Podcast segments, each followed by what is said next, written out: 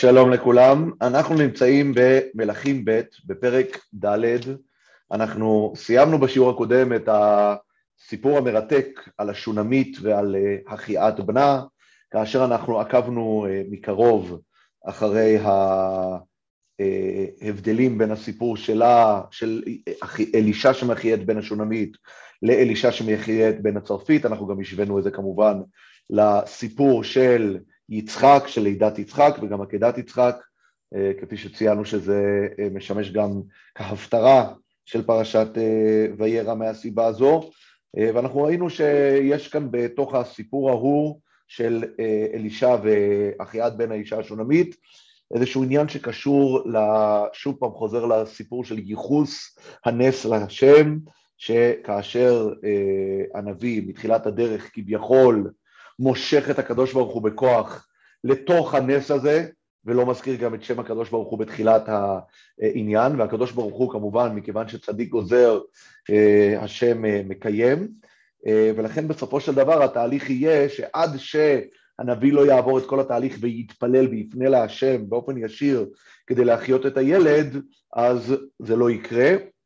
וזו גם הסיבה שהילד הזה, כביכול מתחילת הדרך, הוא היה ילד על תנאי, וגם האישה ידעה את זה ולכן היא לא כל כך התלהבה כשהוא מבטיח לה את הילד, לכן היא גם לא ביקשה, אה, וזה כביכול, הילד הזה באמת מצדיק את קיומו רק אחרי שאלישע מתפלל עליו והוא חוזר לחיים, ואפילו הוכחנו את זה מפרק ח' כאשר מתארים אה, את, גדולות, את הגדולות שעשה אלישע למלך ישראל, אז מציינים את החייאת הילד ולא את לידתו, כי השם של הילד הזה נשאר הילד שקם לתחייה, אה, שזה בעצם הנס שנותן את החותמת האלוקית על הדבר הזה.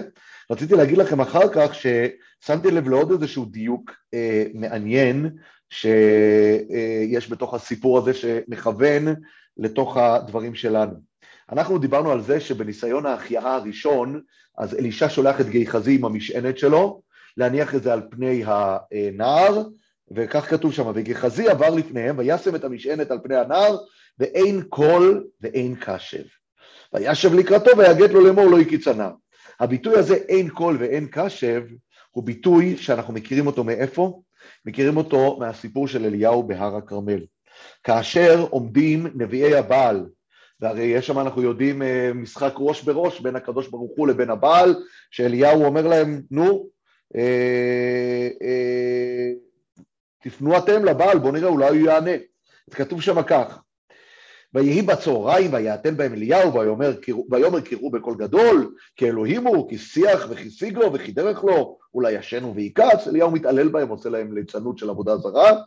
ויקראו בקול גדול ויתגודדו וכולי ואז מה כתוב? ויהי כעבור הצהריים ויתנבאו עד לעלות המנחה ואין קול ואין עונה ואין קשב שם כתוב אין קול ואין עונה ואין קשב, אבל הביטוי הזה הוא ביטוי מאוד נדיר, זה שני המקומות היחידים שמופיע הביטוי מהסוג הזה, הצמד הזה, אין קול ואין קשב, זה אצלנו ושמה.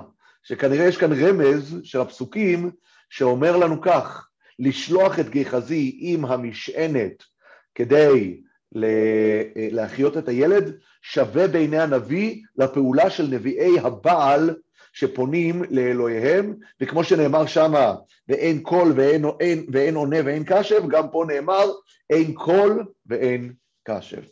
אחרי שהשלמנו את הדיוק הזה, אני רוצה שנתקדם לנושא הבא, כי היום בעזרת השם אנחנו נלמד שני סיפורים חדשים על אלישע, שניהם סיפורים שמאוד דומים עם זיקה עמוקה ביניהם, ואנחנו נתעמק בהם, ובזה אנחנו נסיים את אה, פרק אה, ד'. אה, שזה איזשהו מחזור סיפורים אה, שעומד בפני עצמו פה. אז בואו נתחיל לקרוא את זה, אנחנו נמצאים... אפשר לומר משהו? כן, בבקשה.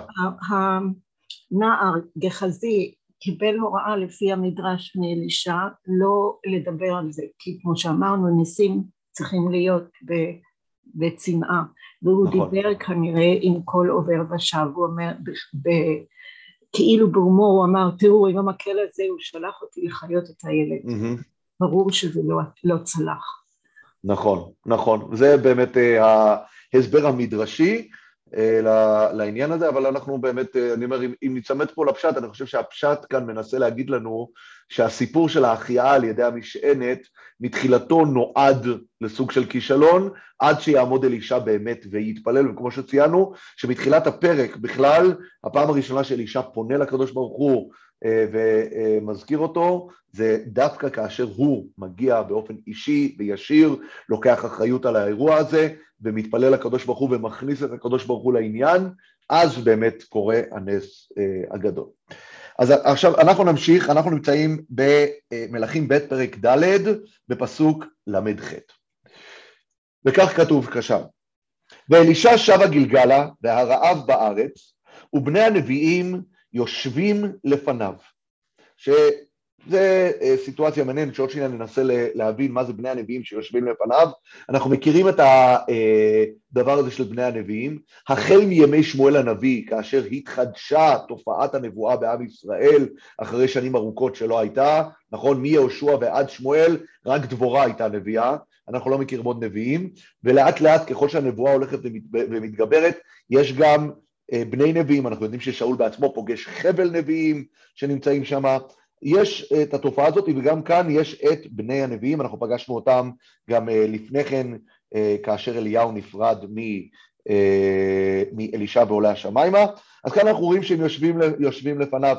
אגב, אם אתם רוצים לראות דבר מעניין ומרתק על בני הנביאים, אתם יכולים לראות בפרק ו', אמנם לא הגענו לשם עדיין, אבל אתם יכולים לראות משהו מעניין.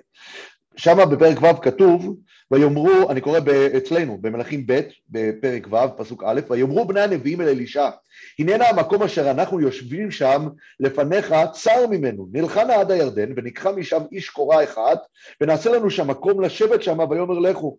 ושם מה הם עושים? הם הולכים ובונים לעצמם כאילו בית מדרש חדש. אז מה שאתה למד קודם כל, שבני הנביאים היו גרים ביחד בחבורה, שם אנחנו רואים, היה להם חוסר של מקום, הם היו צריכים להעתיק את מקומם כדי לבנות מקום חדש. עכשיו, לא רק שהם גרים עם הראש ישיבה, אנחנו נראה עוד דבר, שראש הישיבה, שזה הנביא הגדול, שזה אלישע, הוא גם אחראי לפרנסתם. למה? מה כתוב כאן? ובני הנביאים יושבים לפניו, ויאמר לנערו, שפוט הסיר הגדולה, ובשל נזיד לבני הנביאים. זאת אומרת, מאוד מזכיר את הישיבות ככה שהיו אה, באירופה. יש לך את הראש ישיבה, יש קבוצה של תלמידים שנמצאים מסביבו, והוא דואג להם למזון והם לומדים ממנו. זה מודל מה שנקרא של ישיבה, מה שאנחנו רואים פה. בכל מקרה, אז מה, הוא אומר כאן, לנערו שפוט הסיר הגדולה, ובשל נזיד לבני הנביאים, שזה באמת מעניין הסיטואציה הזאת. קודם כל, הרקע הזה, ואלישע שב הגלגלה, מה זה שב הגלגלה? אנחנו דיברנו על זה כבר לפני, אה, כמה, אה, לפני, לפני כמה שיעורים, בשיעור הפרידה של אליהו מאלישע, שגלגל בעצם היה המקום שבו גר אלישע. דיברנו באריכות שם מבחינה גיאוגרפית, לא מדובר כאן על הגלגל של יהושע, היו כמה גלגלות, יש על זה אה, הוכחות, שם מדובר בגלגל בנחלת אפרים, וכמו שכתוב שם בתחילת פרק ב', ויהי בעלות השם את אליהו בסערה השמיימה, וירך אליהו ואלישע מן הגלגל. מה זה מן הגלגל? אליהו הולך לפגוש את אלישע בביתו, כי לאלישע יש כתובת קבועה, שזה הגלגל. בשלב מסוים, אז אלישע בעצמו חוזר לגלגל, כן, וגם כאן כתוב ואלישע שב הגלגלה.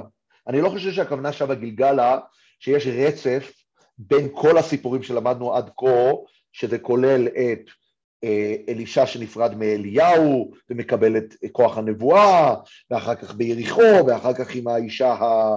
אה, ונס השמן והאישה השונמית, לא, כנראה שהוא חזר אחרי זמן רב, אבל הוא חוזר לבית שלו, יש לו בית בגלגל. והרעב בארץ, יש לנו סיטואציה של רעב, אנחנו יודעים שבארץ ישראל מדי כמה שנים אה, יש מחזור של רעב שחוזר על עצמו, ובני הנביאים, הנביאים יושבים לפניו, ויאמר לנערו שפוט הסיר הגדולה, ובשל הנזיד לבני הנביאים. עכשיו, זה סתם, זה מעניין, ואנחנו נרצה לעמוד על זה, מעבר למה שציינתי על האחריות של הנביא כביכול להאכיל את תלמידיו, זה מוזר. יכול להיות שיש לו אחריות והוא מנסה לדאוג לזה, אבל אנחנו לא, אה, לא, לא מבינים למה הוא מעורב ברמה של לומר, לומר לו לשפוט סיר. הוא לא יכול למנות תורן שיהיה אחראי על המזון של התלמידים שלו, שהוא יטפל בחלק הטכני, שהוא צריך להגיד לו שפוט אסיר, בשל נזיד, מה, מה פתאום אלישע מעורב פה אה, ממש בהזנה האקטיבית של התלמידים שלו. עכשיו עוד אה, שאלה מעניינת, מה זה נזיד? נזיד זה מילה מאוד כוללנית, אנחנו מכירים עוד נזידים, מאיפה אנחנו מכירים נזיד במקרא? מי זוכר? אצל? יעקב ועשו, נכון? ויזד נזיד, ושם כתוב שזה היה נזיד, נזיד עדשים, נכון. אז כאן המקרא לא אומר לנו אה, איזה נזיד זה. אז איזה נזיד זה היה? זה יכול להיות כל נזיד, נזיד זה, נזיד זה סוג של מרק. מה זה היה? אנחנו לא כל כך יודעים, בואו נמשיך. ויצא אחד אל השדה ללקט אורות, זאת אומרת להביא ירקות, וימצא גפן שדה, וילקט ממנו פקועות שדה מלוא בגדו, הוא מצא סוג של אה, אה, צמח, צמח בר, והוא לוקח ממנו אה, אה, חלקים, לוקח ממנו סוג של פירות שלו, ולוקח מלוא בגדו, ויבוא ויפלח אל סיר הנזיד כי לא ידעו. הוא הולך ובלי לספר לאנשים, הוא שם שם את מה שהוא ליקט מהשדה ומוסיף לנזיד הזה. אז קודם כל אמרנו למה הוא עושה את זה. מה הבעיה שלו? אה, הבישול לא טעים לו, לא ערב לחיכו, הוא רוצה לטבל אותו, ולמה הוא צריך לעשות... יש רעב. או, או, או, שנייה, שנייה, שנייה. אז את אומרת שיש רעב, אבל אז אני שואל כאן, השאלה שאנחנו צריכים להבין זה מה היה חסר בנזיד, הכל, שראה... מים. אה, אוקיי. את אומרת שהיה רק מים. אולי, אולי זה רמז למה שאנחנו שאלנו, שכתוב כאן נזיד, ולא כתוב איזה נזיד. והתפקיד של הבחור ישיבה הזה, הישיב הבוחר הזה, בין הנביאים, אומר, מה זה, מה זה נזיד בלי מים? צריך להוסיף לו משהו, צריך לטבל אותו ולהוסיף לו משהו. אבל יש לו, יש מים, יוצקים, יוצקים משהו רטוב. יש משהו רטוב, אבל המשהו, זה כמו מרק, זה מרק בלי ירקות, זה בעצם מה שרצית להגיד כאן. רק מים. כן, רק מים, בוא נראה. אבל אני חושב שיש כאן עניין שצריך לעמוד עליו, יכול, אנחנו נלך בעזרת השם בכיוון שדיברת עליו, אבל אני אומר, צריך להבין כאן, קודם כל נשאל את השאלות, אחר כך ננסה לנסח פה את העניין, זה למה הוא צריך ללכת לאסוף דברים בכלל, ואם הוא הולך לאסוף דברים, למה הוא מכניס אותם בהסתר, למה הוא לא עושה את זה בצורה גלויה, אם יש לו רעיון איך לשפר את התפריט של בני הנביאים, נו, שיגיד להם, חבר'ה, אני יוצא ללכת להביא אה, משהו טעים אה, אה, ולהוסיף לזה, כן? האם הוא בכוונה אולי מסתיר את מה שהוא עושה? האם ייתכן שזה הסיפור פה? מאוד מאוד אה, מוזר מה הסיפור הזה. כתוב, ויבוא ויפלח לסיר הנזיד כי לא ידעו. בואו נמשיך. ויצקו לאנשים לאכול, לאנשים הכוונה היא לכל אה, בני הנביאים, ויהי כאוכלם מהנזיד, והמה צעקו, ויאמרו מוות בסיר איש האלוהים, ולא יכלו לאכול. הם באים, והם אה, תואמים את זה, והם אומרים, יש כאן משהו שהוא של מוות, יש כאן טעם של משהו רעיל, משהו מקולקל, אי אפשר לאכול את הדבר הזה. עכשיו, השאלה היא גם מה זה, על מה הם צועקים כאילו, מה, מה, מה, מה הסיפור? אה, אולי תבשלו עוד סיר, למה אי אפשר לבשל עוד סיר? זה לא אופציה. נראה שכרגע הסיר הזה, וכמו שציינו קודם, יש כאן רעב בארץ, זה האופציה היחידה. אז מה, מה עושים? לא יכלו לאכול. אגב, צריך להדגיש כאן, הבעיה כאן זה לא שמי שאכל חשש לחייו או משהו, זה לא מה שאנחנו רואים כאן בפשט, אלא אומרים מוות בסיר ואי אפשר לאכול, ואם אי אפשר לאכול, מה הבעיה? אנחנו רעבים. הבעיה היא שאין מה לאכול, נכון? שימו לב, וכמו שכתוב, ולא יכלו לאכול. ואז מה הצעקה הגדולה? תכינו לעצמכם עוד סיר. התשובה היא שיש כאן רעב, וכשיש רעב זו סיטואציה בעייתית מאוד כשאין מה לאכול, נכון? ויאמר, וקחו קמח, וישלך אל הסיר, ויאמר צק לעם ויאכלו, ולא היה דבר רע בסיר. זאת אומרת, מה עושה, מה עושה אלישע? אלישע לוקח אה, את ה... אה, הוא לוקח קמח, משליך לתוך הסיר, כן? והדבר הזה מרפא את הקדרה הזאת, מרפא את הנזיד הזה. זה אומר שהיה לו קמח. צריך? היה לו קמח, אתה צריך לדעת, אגב, שבאופן כללי, נזיד אוכלים עם לחם. תמיד. שלוש מקומות בתנ"ך מופיע הביטוי נזיד, תמיד זה מופיע עם לחם. ויעקב נתן לעשו לחם ונזיד עדשים. אז גם כאן בעיקרון אמור להיות לחם, ולכן יש כאן כנראה קמח שמשלים את התפריט הזה. כנראה שיש קמח בצמצום, כי יש כאן רעב בארץ, אבל הוא אומר, קחו את הקמח ותשליכו, שזה מעניין, מה, מה זה הסיפור הזה? למה השלכת הקמח היא זאת שמרפאת את ה... אה, אה, דבר הזה, מה המשמעות בכלל של הנס הזה, ואחד הדברים שאני רוצה שנשים אה, לב, ובשביל זה אנחנו צריכים לקרוא את הסיפור הבא. הסיפור הבא הוא מאוד דומה לסיפור שלנו, ומתוך למידת הסיפור הבא, יתעוררו לנו עוד כמה שאלות ותמיהות על הפערים שבין הסיפורים, ולכן אני מבקש שנקרא את הסיפור הבא, וכל הזמן נש... נשאיר לעצמנו בראש את המחשבה מה היה אה, בסיפור הקודם, אוקיי? אה, ואיש בא מבעל שלישה. לאיפה הוא בא? לא כתוב, כתוב מאיפה הוא בא, לא כתוב לאן הוא בא. ואיש בא מבעל שלישה, ויבא לאיש האלוהים לחם ביכורים, עשרים לחם שעורים, וכרמל בצקלונו. מביא כאן, אה, מביא כאן אה, אוכל לאיש האלוהים. לשם מה הוא מביא לו אוכל? לא יודע, בשביל מה הוא עשה את זה? מה, מה כתוב כאן? ויאמר, תן לעם ויאכלו. מי זה העם הזה? מי זה העם הזה שנמצא עם אלישב ש... שהוא צריך לתת להם לאכול? כן? ויאמר משרתו, מה אתן זה לפני מאה איש? שזה ביטוי מוזר. מה זה מה אתן זה? אתם צריכים לדעת תמיד, כשיש את הניגון, לקרוא ניגון של משפטים בתנ"ך, יש להם משמע, משמעות. מה אתן זה, כשאומרים זה על משהו, זה בדרך כלל בתנ"ך זלזול. זה כמו שכתוב אצל שאול, מה יושיענו זה? מה יושיענו זה? מה זה מה אתן זה? מה אתן זה לפני מאה איש? זה ביטוי קצת מוזר, שלפני שנדבר אפילו בלי המנגינה, זה כאילו, מה, מה, לא הבנתי, הנביא אומר לך תיתן, תיתן, לא מדובר כאן, מדובר כאן על נביא עם רקורד, נכון? זה נביא שהצליח לתקן קדרה, זה נביא, נביא שהצליח להחזיר לחיים ילד, להביא לעולם ילד, לגרום לנס שמן ו... אצל, אצל האישה, אה, מעיין המים ביריחו הוא הצליח אה, לרפות. מה זה, מה, מה, מה זה השאלה שלך? ומדובר כאן על המשרת, שימו לב, ויאמר משרתו. מה ייתן זה לפני מאה איש? אגב, עוד שנייה נחזור ונשווה לזה קודם, אבל שימו לב, כאן מדובר על משרת, בסיפור הקודם מה כתוב? אחד. כתוב אחד, אבל יש כאן עוד ביטוי על הזה, ויאמר לנערו, שפוט ציר, הציר הגדולה. שם קוראים לו נער, כאן קוראים לו משרת, נכון? מה, למה זה השתנה מנער למשרת? בואו נמשיך. מה אתן זה לפני מאה איש? ויאמר תן לעם ויאכלו. כי כה אמר השם, אכול והותר. עכשיו תשימו לב שאלישע, בתחילה אמר תן לעם ויאכלו, נכון? מה אמר לו המשרת? מה אתן זה לפני מאה איש? אלישע חוזר על אותו לשון בדיוק, ויאמר תן לעם ויאכלו. זאת אומרת, זה מזכיר לנו, אנחנו מכירים ויכוחים מהסוג הזה, אנחנו עמדנו על זה גם אצל אה, אליהו, כשהוא נמצא בהר סיני, בהר חורב, נכון? גם שמה, הוא אומר, כנו קינאתי להשם אלוקי צבקות וכולי וכולי וכולי, הקדוש ברוך הוא עובר לפניו ומנסה ללמד אותו מסר, לא ברוח השם, לא באש השם, לא ברעש השם. אליהו חוזר על אותו טענה שוב פעם. כשחוזרים על אותו טענה שוב פעם, זה בדרך כלל אומר, יש כאן ויכוח, הצד השני אמר משהו, אני עומד על דעתי, תן לעם ויאכלו, תפסיק להתווכח, תעשה מה שאומרים לך. זה בעצם מה שאומר אלישע. כי כה אמר השם, אכול ועוד. פתאום פה אלישע מכניס את הקדוש ברוך הוא לסיפור. כה אמר השם אוכל ועותר. וייתן לפניהם ויאכלו ויותירו כדבר השם. אוקיי? עכשיו זה מאוד מאוד מאוד מעניין, כן? כי תשימו לב, אלישע אומר לו בהתחלה, ויאמר תן לעם. ויאמר בשעתו, מה אתן זה לפני מאה איש. הביטוי של אלישע זה תן לעם, המשרת אומר מה אתן זה לפני מאה איש. אלישע חוזר ואומר לו, תן לעם. מה עושה המשרת? וייתן לפניהם ויאכלו.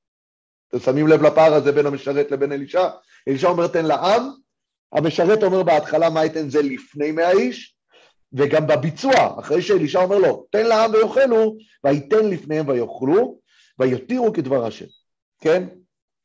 עכשיו, גם כאן חוזרת השאלה, מה הבעיה של... מה, למה צריך לייצר כאן ניסים? אם חסר לחם, לך למכולת, תקנה לחם, לך תופל לחם, מה, מה הסיפור פה, כן? ו... אה, כמו ששאלנו, אה, וזה דבר גם שבולט פה אם אנחנו משווים בין שתי הסיפורים, כאן פתאום הקדוש ברוך הוא נכנס לסיפור, נכון? כה אמר השם אכול ועותר, ויתן לפניהם ויאכלו ויותירו כדבר השם. למה הקדוש ברוך הוא לא מוזכר בנס הראשון? אז קודם כל אנחנו צריכים להתחיל ולהגיד, וזה נראה לי דבר פשוט וזה יענה על השאלה שלנו באופן כללי, שהמילים הפותחות את הפסוק הראשון הם בעצם מצג פתיחה לשתי הסיפורים שניהם, גם יחד. כשכתוב שם ואלישע שבה גלגלה והרעב בארץ ובני הנביאים יושבים לפניו, הכוונה היא שהדבר הזה הוא רקע לשני הסיפורים. גם הסיפור השני קורה בגלגל, ולכן כתוב שאיש בא מבעל שלישה, לא כתוב לאיפה הוא בא. מה כן כתוב? לא כתוב לאיפה הוא בא, כתוב מאיפה הוא בא. כי לאיפה הוא בא אנחנו יכולים להבין, אלישע נמצא עם בני הנביאים בגלגל, אם אם הוא בא מבעל שלישה, אז הוא ודאי פוגש אותם בגלגל, כי זה סיפור המשך לסיפור הראשון. דבר שני, למה אי אפשר ללכת לחנות ולקנות לחמים? כי יש רעב בארץ, נכון? ומי זה העם הזה שאנחנו לא יודעים עליו הרבה? העם הזה זה אותו קבוצה שדיברנו עליה קודם, שזה בני הנביאים, אוקיי? עכשיו, הסיפורים האלה, כן, הם שתיהם מגיעים מאותו הקשר. זה מגיע בהקשר של אלישע שיושב עם בני הנביאים במצב של מחסור, במצב שצריך לדאוג להם למזון, וכשצריך לדאוג להם למזון באותה מידה שבסיפור הראשון, כשהסיר מתקלקל ואי אפשר לאכול ממנו, כן? אז יש כאן בעיה, ולכן הם צריכים לצעוק לאיש האלוהים, כי הם לא יכולים לאכול, ואם לא יכולים לאכול אז הם ירעבו, אותו דבר גם במקרה השני, כשהאיש מגיע ומביא בציקלונו לחמים, הוא מביא בציקלונו לחמים ויש כאן וואו, בזמן של רעב פתאום מישהו מגיע עם תקרובת כזאת משמעותית, אבל יש כאן בעיה, התקרובת הזאת היא לא מספיקה כדי להאכיל את כל האנשים פה, ולכן זה הבעיה שיש פה, אוקיי? אבל מה?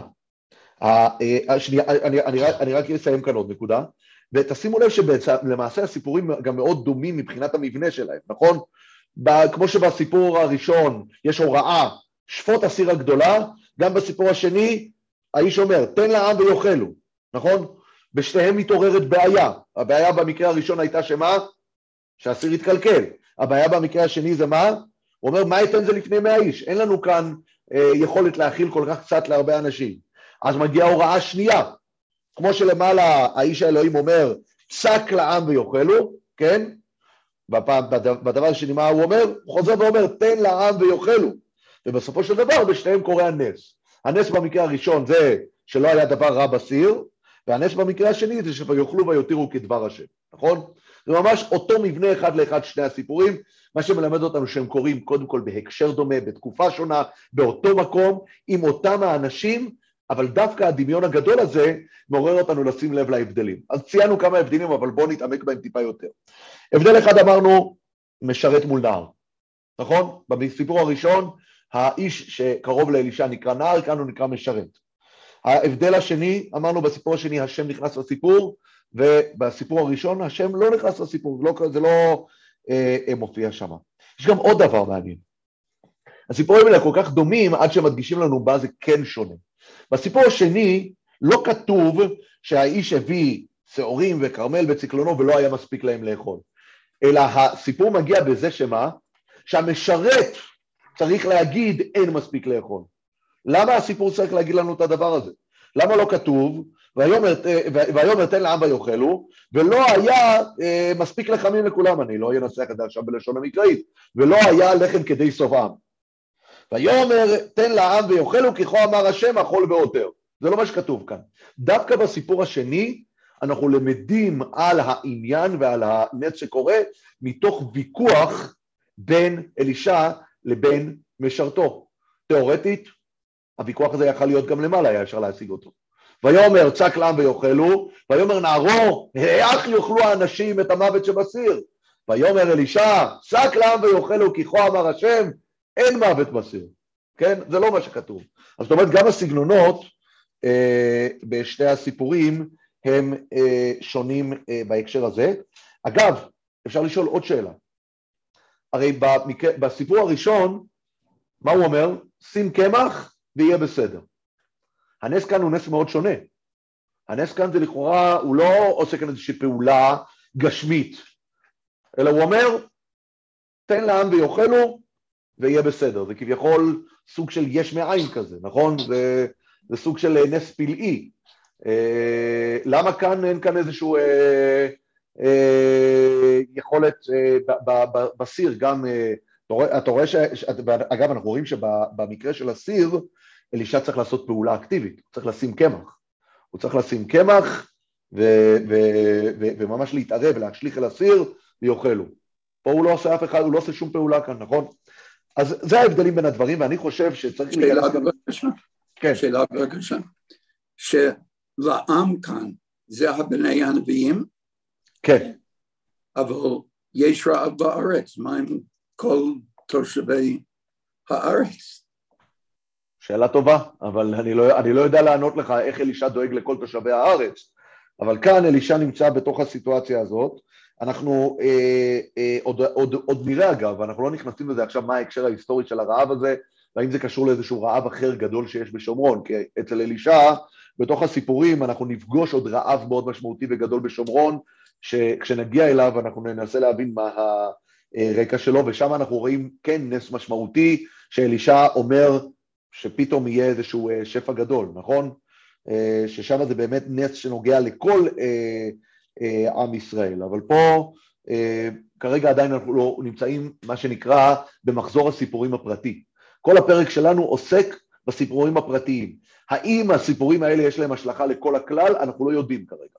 אנחנו לא יודעים כרגע, אבל כרגע זה כמו שדיברנו בתחילת פרק ד', זה כאילו המצלמה הסיטה את מבטה מהעיסוק של אלישע כנביא שמלווה מלכים, שמלווה את עם ישראל, כרגע זה סיפורים פרטיים של החלק הראשון של פרק ד' זה אלישע מול נשים, החלק השני זה אלישע מול תלמידיו הרעבים. זה, זה ה... אה, אם, אם נחתוך את הפרק הזה לשתיים, זה ההקשר של הדברים אה, אה, האלה.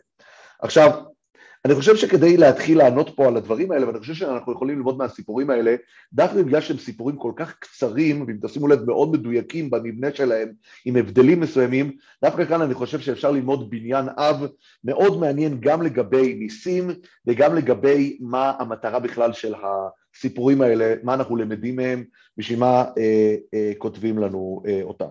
ואני חושב שאם אה, נלך כאן כרגע לסיפור, כן? ואולי ננסה ככה אה, אה, לפצח ולהוציא מכאן משהו, בואו נלך שנייה לסיפור השני, ואני חושב שמשם אנחנו יכולים ללמוד. שמה מגיע משרת ואומר, נכון, מה אתן זה לפני מאה איש, כן? אנחנו דיברנו על זה שיש כאן איזושהי נימה בעייתית בשאלה הזאת. מה זה מה אתן זה לפני מאה איש? כמו שאמרנו, זה דומה למה ישיינו זה. יש כאן איזשהו זלזול כנראה. אה, זה כאילו, הוא אומר, אני לא, אה, אה, אני לא מאמין כל כך שיש כאן יכולת לייצר את הנס הרצוי בסיטואציה הזאת. ולכן אמרנו מסיבה זו, מכיוון שהמשרת כביכול מפקפק ביכולת של אליהו, של אלישע לייצר את הדבר הזה, אז מה קורה פה? אז אלישע בכוונה, באופן תקיף אומר, תן לעם ויאכלו, והוא מדגיש, אתה מזלזל ביכולת שלי לייצר כאן משהו? הרי זה לא קשור אליי. תן לעם ויאכלו כי כה אמר השם אכול ועותר. כשאני אומר שדבר כזה יקרה, אני לא מדבר בשם עצמי, אלא אני מביא כאן את הקדוש ברוך הוא אה, אה, לסיפור, כן? ואני אומר שהקדוש ברוך הוא עומד מאחורי הדבר הזה, וכשאני אומר משהו, הכוונה היא שהשם עומד מאחוריו. ואנחנו כל הזמן מתמודדים, ודיברנו על זה גם בסיפור של אלישע והשונמית, עם הקונפליקט הזה. כי אנחנו יודעים שיש מקרים שבהם נביא מופיע ופועל ניסים באופן מובהק בשם השם, נכון? אבל אנחנו כאן נמצאים בסיטואציה אחרת, בסיטואציה של נביא שפועל ניסים פרטיים, מקומיים, קטנים, מול אנשים, כמו שאמרנו, זה קצת מזכיר את הרבה החסידי, שעושה מויפסים. ודווקא כאן יש את הקונפליקט, מתי הצדיק הוא זה שמקבל את הקרדיט, ומתי הקדוש ברוך הוא, כי האמת היא שככל שמבינים שהצדיק מייצג את הקדוש ברוך הוא באופן מלא, וכשהצדיק עושה את הפעולות שלו, אפילו שהוא לא מזכיר את הקדוש ברוך הוא בפירוש, אבל מבינים שהוא פועל מכוח הקדוש ברוך הוא, אז הכל בסדר. אבל כל הבעיות מתחילות ברגע שיש כאן איזה סוג של פקפוק. וכאן המשרת שרואה את זה אומר, מה אתם זה לפני מאה איש? ואני חושב אגב, וכבר נענה, שיכול להיות שזו הסיבה שהוא נקרא כאן משרת, לעומת נער. משרת אני חושב שזה ביטוי קצת אה, פחות אה, אה, אה, משמעותי. אני רואה כאן שיש כאן חוסר שביעות רצון בקהל מה, מהפירוש הזה, רק, אני רק אנסה להשלים את זה פה, את העניין הזה, ואז אנחנו נשמע את ההשגות שלכם, אוקיי? אה, ואני חושב שגם זה יכול להיות, יסביר את הפער, מה ההבדל בין לתת לפני ללתת ל.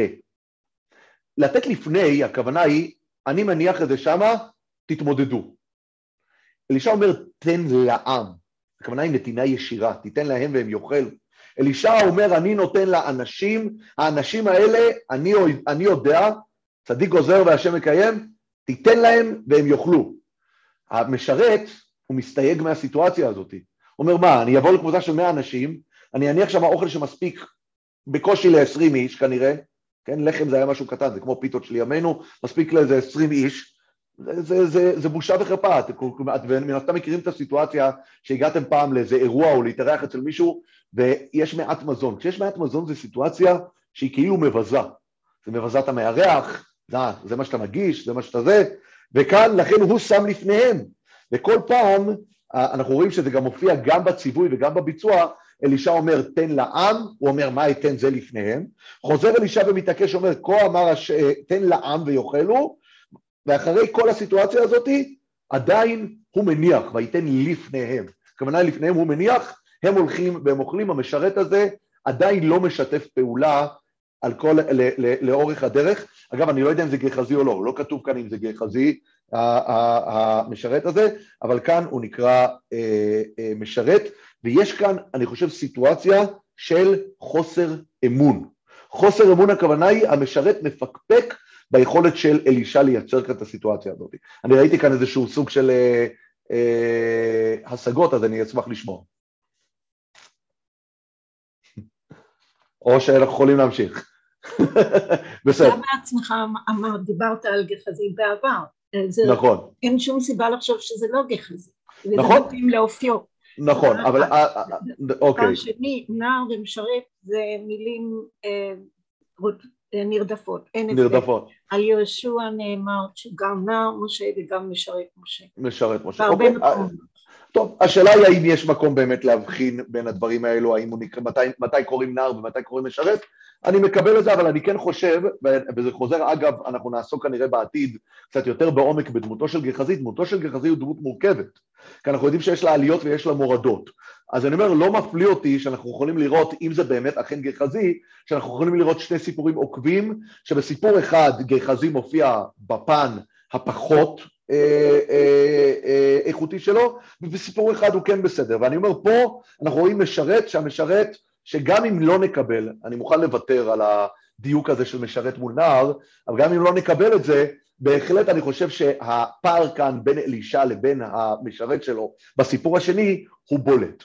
אני חושב שהדבר הזה יכול להחזיר אותנו לסיפור הראשון, כן? כי הרי הסיטואציה פה, שוב פעם, כן, זה מי הוא אחד, אחד, אחד מבני הנביאים הללו. ויצא אחד אל השדה, כן? אנחנו שאלנו למה הוא יוצא ללקט, כן? למה, לא, למה, למה לא מספיק לו מה שיש שם? למה הוא מסתיר את זה? האם יש לו אינטרס להסתיר, כן? אז יש כאן סיטואציה מאוד מעניינת שיש כאן מפרש שנקרא אה, אה, אה, אה, רש לניאדו, וככה הוא כותב: כוונת הכתוב לספר נס בתוך נס, והוא כי בהיות הרעב בארץ ובני הנביאים יושבים לפניו והם רעבים מהרעב ואלישע שב הגלגלה ואין עמו מסעות קמח שלא היה לו דבר וכולי וכולי ואמר לנערו שפוט שפוט הסיר הגדולה כן כי המקום ימלא חסרונה ובשל הנזיד שיספיק בעזרת השם וברכתו לבני הנביאים כולם כן הוא אומר, הוא אומר דבר כזה הוא אומר היה רעב, לא היה לאלישע באמת במה להאכיל את, בני הנביאים. כשהוא אומר לנער שלו לשפוט את הסיר, לא היה לו אפילו כמות מספקת לשם, או כמו שאנחנו גם אמרנו, לא היה לו גם מה להכניס כאן לסיר כדי לייצר כאן טעם, לא היה לו ירקות, לא היה לו שום דבר, כן? ויוכיח כן אומרו, נזיד סתם, ולא אמר נזיד עדשים, הוא מדייק את זה, כמו שאנחנו דייקנו, אם היה כאן נזיד של ירק מסוים, אז היה כתוב שזה היה נזיד של משהו. כאן כתוב נזיד בלי להגיד נזיד עדשים, הכוונה היא שזה היה סתם מים, תחשבו שאתם מכינים לליל שבת מרק ולא מכניסים לתוכו כלום, אז מה יש לכם? סיר מים חמים, זה לא אוכל, אי אפשר לאכול את זה, כן? אבל מה, מה, מה היה כאן ציפייה? היה כאן קודם כל ציפייה שמה? שהמים, מעט המים האלה, שאין בהם גם, כמו שאמרנו, שום דבר, הם לא נזיד, הם זה, יהפכו להיות איזשהו מה? איזשהו משהו שיזין אותם. ואם אנחנו באמת אה, הולכים בפירוש הזה, לפי הקו הזה, אנחנו יכולים לראות שיש הקבלה נוספת בין הסיפור הראשון לסיפור השני. שגם בסיפור הראשון, האיש הזה, הנער האחד, שאנחנו לא יודעים את שמו, שיצא החוצה ללקט את הדברים, כן? אז מה הוא עשה? הוא לא האמין שזה יספיק. הוא מאוד דומה למשרת בסיפור השני, שגם הוא מפקפק כאן ביכולת של הדברים לקרות. אז מה הוא עושה? הוא לא נעמד מול הנביא ומתווכח איתו, ואני חושב שזו הסיבה גם שהסיפור הסיפור כאן לא מוצג לנו כוויכוח. אין כאן ויכוח, שאלנו למה אין כאן ויכוח. כי אני חושב ששתי הסיפורים האלה מציגים לנו פקפוק ביכולת של הנביא לייצר כאן ישועה במצב הזה של הרעב. אלא מה?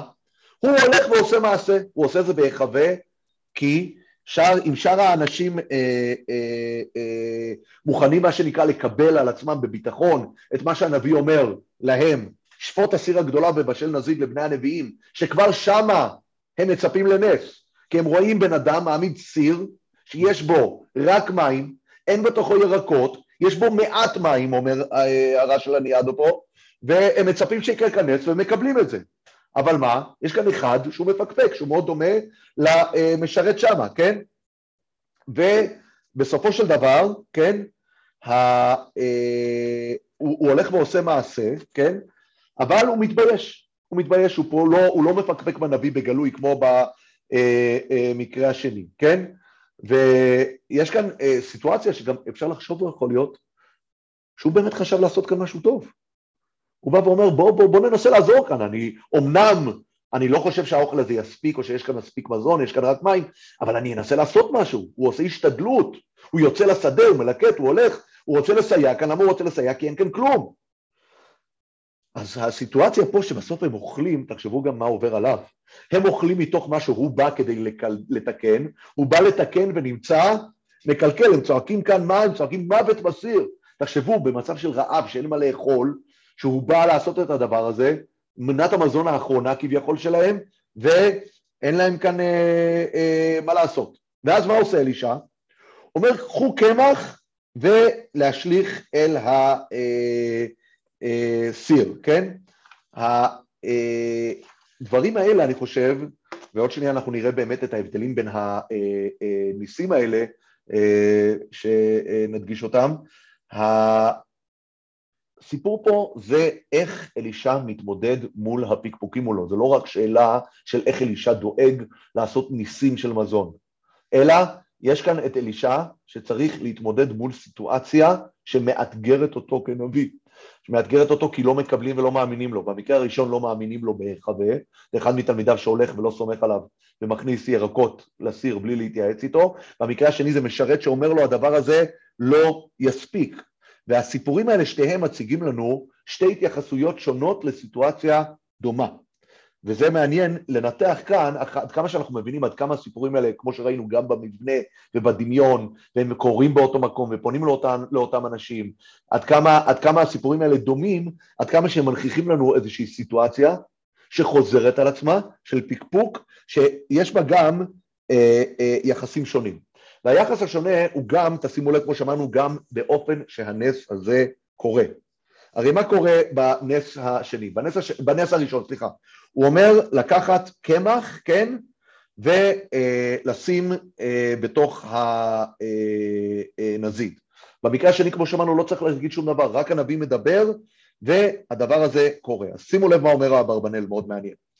אומר, והנראה לי בזהו, שהקמח הוא מכלל הדברים שיעשו מהעשבים היותר נאות וכולל למאכל האדם. והגפן שדה, שזה כנראה כמו שאנחנו אמרנו, זה משהו מקולקל, זה משהו רעיל, שהשליחו האחד בסיר הוא היותר מנגד שבהם, עד שיהיה מכלל הדברים הממיתים, להתנגדותו למזג האנושי. והנה הנביא ציווה שישליכו בסיר את הקמח כדי שכל אשר בסיר יעשה נאות וזן לבני אדם כמו הקמח. הוא אומר, הקמח זה הדבר, זה נחשב הרכיב הכי מזין בטבע, נכון? קמח זה הבסיס של לחם. הלחם זה התזונה הבסיסית של האדם, לא על הלחם לבדו יחיה האדם, זה הבסיס, נכון? לחם. אגב, המהר"ל אומר, מלחמה, ביטה מלחמה זה מלשון לחם. זה ללכת ולדאוג לבסיס הקיומי שלנו, זה הכוונה מלחמה. מעניין. עכשיו, אה, אה, מה שהוא אומר פה, כן, שאתה לוקח את הקמח הזה, והוא אומר, יש כאן איזשהו יסוד טבעי. יסוד טבעי, הוא ממש אומר כאן, אה, וכאילו הוא אמר שהקמח הפשוט יועיל יותר מכל מר- מרקחת הטריאקה, ככה הוא כותב כאן, לא יודע מה זה טריאקה, זה כנראה שם של מרקחת שהיה בזמן האברבנאל, הכוללת הרבה פשוטים שהיא כנגד הארסי, ומעשה הנביא יורה על כוונתו. אגב, האברבנאל כאן הולך לשיטתו, וזה קורה גם ב... אה, ראינו שהרד"ק מדבר על זה בנס הקודם של החייאת השונמית, שמה? שהנביא לא סתם אומר שמתפלל שהילד לקיום לתחייה והוא קם לתחייה, אלא הוא עושה פעולה טבעית גם. הוא גוהר על הילד, הוא מנסה להחיות אותו, אז גם פה יש כאן איזו פעולה שהיא פעולה טבעית, כן?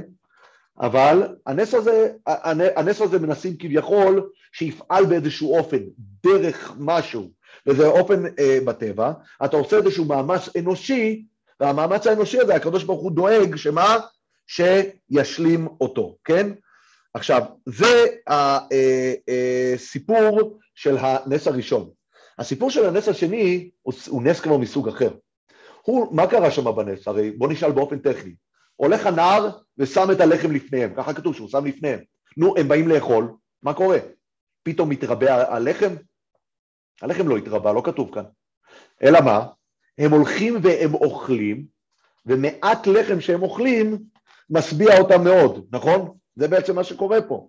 הנס היה בעצם האכילה של בני הנביאים, שבני הנביאים בעצם יושבים והם אוכלים, ומעט אכילה מספיק להם. אגב, זה, זה ממש כמו שמופיע, יש מדרש שאומר, כתוב ואכלתם לחמכם לשובע, זה אחד מהברכות שיש בפרשת בחוקותיי, אז אומר שם המדרש, אין צריך לומר שיהיה אדם אוכל הרבה ושבע, אלא אוכל קמעה, והוא מתברך במאב כעניין שנאמר, ועבדתם את השם אלוקיכם, וברך את לחמך ואת מימיך.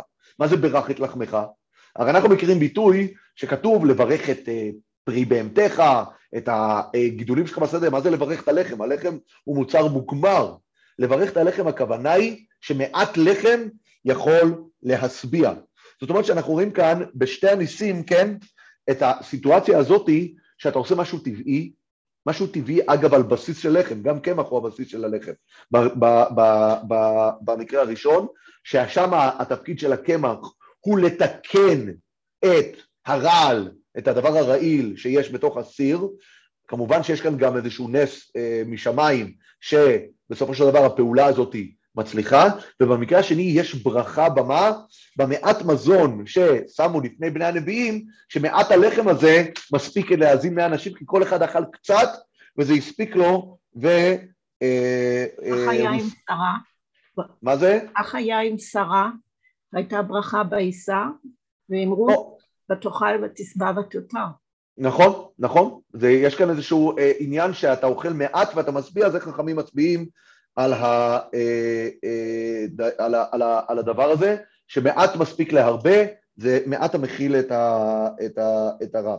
עכשיו, הדבר אה, הזה בסופו של דבר, אני חושב שזה גם אולי, אולי מה שמסביר כאן באיזה מקום אנחנו מזכירים את השם ובאיזה לא.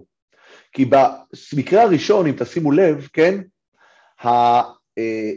הסיטואציה פה זה שרוב הנביאים באמת מכירים במה? בזה שהולך להיות כאן נס. הם מכירים בזה. עובדה שהם מוכנים ללכת ולאכול. יש רק אחד שמפקפק. האחד שמפקפק צריך לטפל בזה באופן נקודתי, ולכן כשהוא מפקפק, אלישע אומר תשליכו קמח, הכל יהיה בסדר, אבל זה נס שמגיע על רקע של אמונה בנביא. הנס השני, באיזשהו מקום, אנחנו לא יודעים מה העמדה של שאר בני הנביאים שם עם הלחמים, אבל אנחנו, אנחנו, אין, אין לנו מושג. אבל שם יש שם משרת, שממש מפקפק באופן גלוי. כשהוא מפקפק באופן גלוי, יכול להיות שדווקא כשאתה מפקפק באופן גלוי, אתה צריך להכניס את השם לתמונה. כשיש כאן דבר שניתן אה, אה, ש, שיוצר כזה סוג של פקפוק, וגם כמו שאמרנו, מעבר לזה שזה מגיע על רקע פקפוק, זה גם מגיע כנראה על רקע של נס יותר משמעותי מהנס הראשון, כנראה. בנס הראשון יש כאן איזו התערבות גשמית, נכון? הנס קורה דרך הקמח, דרך ההשתדלות האנושית שאלישע עושה שהוא שם אותו בתוך הסיר, וכשהוא שם את זה בתוך הסיר, כמו שאומר האברבנאל, יש איזשהו יסוד להבין למה קמח ככה הוא כותב אברבנאל, יכול לרפא סיר שיש בו איזשהו רעל, יש בו איזשהו יסוד בסיס בקמח, ככה כותב אברבנאל. במקרה השני, שמעט מספיק להרבה זה נס הרבה יותר מובהק, זה נס שאין בו גם איזושהי התערבות של ה, כביכול של, ה, של ההשתדלות, אנחנו לא רואים שאלישע אומר משהו, מוסיף משהו, עושה פעולה מעבר לאמירה, ויכול להיות שלכן דווקא פה אתה צריך להכניס את דבר השם לסיפור כדי להוכיח שהוא נמצא גם על רקע הפקפוק וגם על הרקע של הנס שכנראה הוא נס במדרגה יותר גבוהה מהנס הראשון של הנזיד. אם אנחנו מסכמים כאן את כל הדבר הזה של הפרק בסופו של דבר, אנחנו רואים גם במקרים הראשונים וגם במקרים ה, אה, אה, של, עם שתי אנשים וגם במקרים השניים, כן, שבשתיהם הסיפור הראשון השם לא מופיע בו, נכון, האישה הראשונה שמשכנו את הילדים שלה, אלישע אומר יהיה לך שמן, שם השם לא מופיע בסיפור, בסיפור השני השם מופיע כשאלישע מתפלל אליו, נכון, ומכריע את הילד. גם אצלנו בסיפור הראשון השם לא מופיע, אבל בסיפור השני אלישע אומר יאכלו ויותירו כדבר השם כי כה אמר השם. בשתיהם יכול להיות שזה גם המקבילה ממש בתוך הפרק אצלנו, שמה, אם תשימו לב, המקרה הראשון הוא נס שחל על משהו, הוא מתחיל מתוך איזשהו שמן, היא לוקחת, הרי הוא אומר לה, אם יש לכם מעט שמן, כלים את כל התנאים שיש שם, ולכן דווקא במקרה, במקרים האלה לא צריך להדגיש את זה שהשם הוא זה שפועל את זה, נכון? ודווקא במקרים השניים, כשאנחנו מדברים על ניסים הרבה יותר גדולים, ניסים, שם זה ממש נס ענק של החייאת ילד, ש, שדברים כאלה, או כמו אצלנו שמעט לחם מספיק להרבה, דווקא במקרים האלה צריך להדגיש את דבר השם, אז יש כאן גם איזושהי הקבלה מאוד מעניינת, גם בתוך המבנה של הפרק, בתוך כל הסיפורים האלה, שמלמדים אותנו מתי הנביא שפועל מתוך הפעולה הזאת של צדיק גוזר והשם מקיים, מתי הוא מזכיר את שם השם ומתי הוא לא מזכיר את שם השם, ובזה אופן הנביא אלישע מחנך ומתמודד מול התלמידים שלו והמשרת שלו במקרים שיש פקפוק וחוסר אמון מול מה שהוא עושה, כשיש כאן פקפוק של מישהו אחד בשקט, באופן סטרילי, שלא הולך ומתריס כנגד הנביא, אז אפשר לעשות את זה גם את הנס הזה קצת בצורה כזאת. אבל כשיש משרת שאומר, מה ייתן זה לפני מאה איש, זה קצת משהו יותר מזלזל, שם יש צורך להעביר מסר הרבה יותר חזק ולערב את השם באופן מובהק בסיפור. תודה רבה לכולם וקיץ בריא.